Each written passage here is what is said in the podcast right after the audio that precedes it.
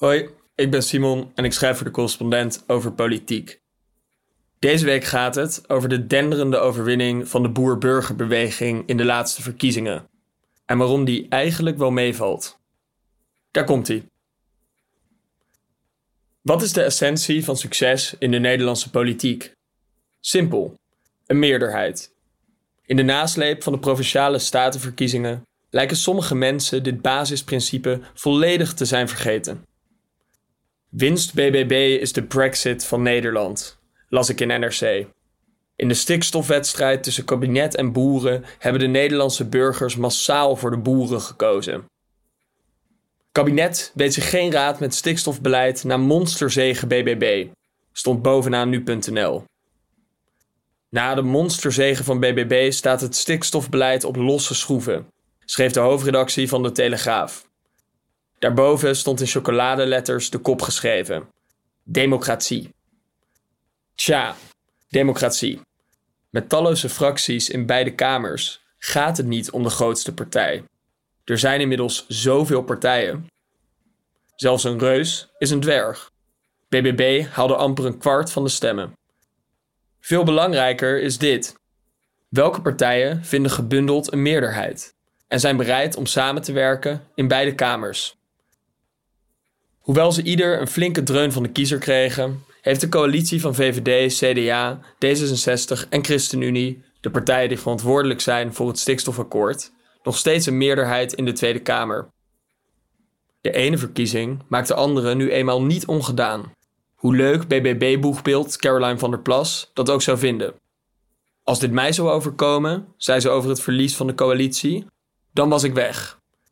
Vast. In mei kiezen de provinciale staten de Eerste Kamer. Daarin krijgt de coalitie geen meerderheid. Maar dat is niets nieuws. De vorige keer dat een coalitie de boel bij elkaar wist te houden in die chique Eerste Kamer, was ik negen jaar oud. Zelfs Teflon Mark, de langzittende premier van Nederland, lukte het nooit om een kabinetsperiode een meerderheid in de Senaat te behouden. De relevante vraag is of er in de Eerste Kamer voldoende medespelers zijn om de speerpunten van coalitiebeleid uit te voeren, zoals de stikstof- en klimaatplannen. Wat blijkt? Ook na deze uitslag voor de boer-burgerbeweging, ongekend, verpletterend, beestachtig, sensationeel en uitzonderlijk, staat het leeuwendeel van de nieuwe Eerste Kamer straks achter het stevig en spoedig terugdringen van de stikstofuitstoot. De coalitie kan onderhandelen met de PvdA, GroenLinks en Volt, samen een meerderheid. En eventueel ook nog met de Partij voor de Dieren of de SP. De uitgesproken tegenstanders van het stikstofbeleid hebben samen maar 27 van de 75 zetels. Moeten hun stemmen zwaarder tellen omdat één van hen de grootste werd? Is de knappe winst van de nieuwkomer belangrijker dan het grote plaatje? Moet de meerderheid hun kiezers verlogenen omdat een minderheid anders gestemd heeft? Dat lijkt me niet logisch of verstandig, laat staan democratisch. Als deze verkiezingen al een stikstofwedstrijd tussen kabinet en boeren waren, dan heeft het volk inderdaad gesproken. Maar niet zoals de krantenkoppen doen vermoeden. Een meerderheid van de kiezers koos voor partijen die ingrijpende maatregelen wel steunen. Kan het zijn dat media het gewicht van de grootste schromelijk overdrijven? Spelen zij graag Amerikaatje met spannende over-the-top headlines? Je kunt best het gewicht van de verkiezingsuitslag inzien, de kopzorgen in provinciebesturen erkennen en concluderen dat het slim zou zijn als de coalitie met BBB praat zonder de obsessie met de grootste ruimte te geven. Tja, democratie.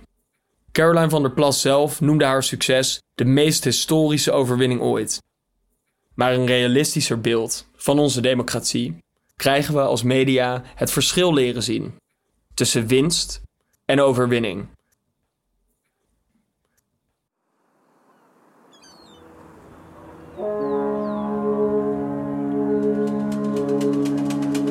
90% van onze spullen komt uit een container. 90%. Zonder die stalen doos ligt de hele wereldeconomie op zijn gat. En zou jouw leven er totaal anders uitzien. Hier komen dus nieuwe kaders om straks 20 miljoen containers te kunnen laden elders. En toch komt de container in bijna geen enkel geschiedenisboek voor. En weten we nagenoeg niets over de reis die onze spullen erin over de wereld afleggen. Het is een ongelooflijk bewijs dat we als Nederland iets kunnen. En hier zijn we goed in. En dat laten we hier de hele wereld zien. Het is een bizarre paradox. Containerschepen behoren tot de grootste door mensen gemaakte dingen op aarde. En ze zijn tegelijk totaal onzichtbaar. En duik je in de wereld van de container, dan zie je ineens dat die stalen doos van alles verbergt. Ja, totaal is er 3,2 miljoen kilo rotzooi in zee beland. Er is een criminalisering opgetreden van zeevarenden. Het wordt echt een gevangenis. Some of the worst cases are over four years that seafarers have been left on board. They haven't gone home.